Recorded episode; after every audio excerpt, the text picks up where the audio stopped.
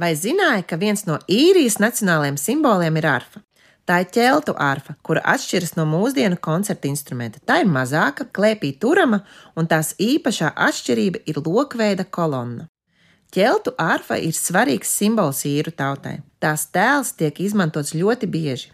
Uz īrijas ģērboņa ir novietota zelta arfa ar sudraba stīgām uz zila vairoga. Aizsākumi īrijas ģērbonim ir datējami kopš 1530. gada. Tad arfu par īru nacionālo simbolu pasludināja karalis Henrijs VIII, izlaižot monētas ar iekaltu arfas attēlu. Tomēr mūsdienu ģērbonis tika pieņemts 1945. gada 9. novembrī.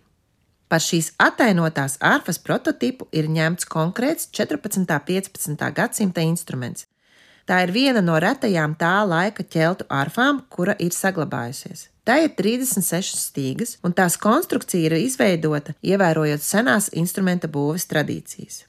Šī arfa šobrīd atrodas Dublinas Trīsvienības koledžā, un to sauc par Brian Borus arfu, par godu slavenam īru karavadonim. Leģenda stāsta, ka šis slavenais karavadons spēlēja arfu pirms saviem karagājieniem un pat pirms savas pēdējās kaujas, kurā viņš tika nogalināts.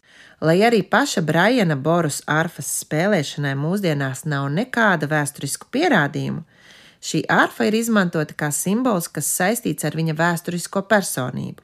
Tāpat ķeltu arfa ir attēlota uz īrijas eiro monētām, dažādiem valsts zīmogiem, emblēmām, īrijas pilsoņu pasēm, un tas ir viens no populārākajiem īrijas suvenīriem. Pats slavenākais īru alus Guinness savā logotipā ir attēlojis tieši ķeltu arfu. Un te man jums ir jāpastāsta, kā tad īsti īrijā nokļuva šis instruments. Ķelti paši radīja leģendas, ka šo instrumentu viņiem dāvājuši dievi. Tomēr pastāv pieņēmumi, ka arfu pirms kristietības pieņemšanas no Ēģiptes kopā ar citām precēm atveduši feniķieši. Tiek uzskatīts, ka pirmo arfu stīgas bija izgatavotas no zelta un sudraba stieples. Ķeltu arfas rāmis, līdzīgi kā Baltijas jūras reģiona etnogrāfiskās kokles tipa instrumenti, parasti bija izgrebts no viena baļķa gabala. Tās izveidošanai izmantoti vītoli, papeles un augsnis.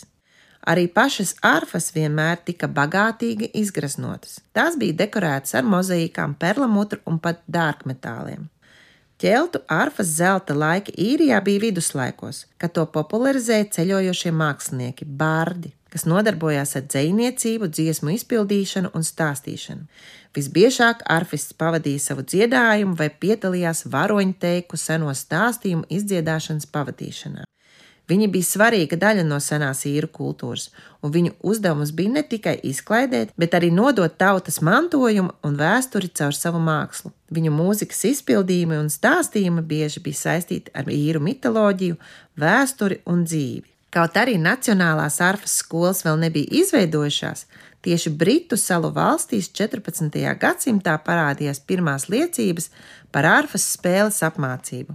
Arī šodien īrijā var sastapt māksliniekus, kas seko šīm senajām tradīcijām, izpildot īru tradicionālo mūziku un dziesmas.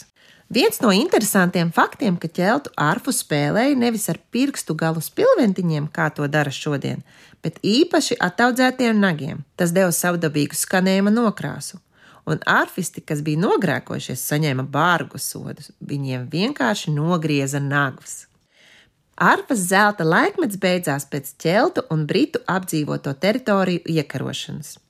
Pēc varas iegūšanas tika izdots liels skaits aizliegumu, kuru mērķis bija izskaust vietējo iedzīvotāju kultūru. Viņiem nebija atļauts valkāt tautas tērpus, izmantot tradicionālos simbolus, aizliegt spēlēt arfu, nereti viņu instrumenti tika sadedzināti. Lai arī bija šādi ierobežojumi, tomēr arfas spēles tradīcijas saglabājās, un arfa kā simbols īrijā mirts vēl šodien.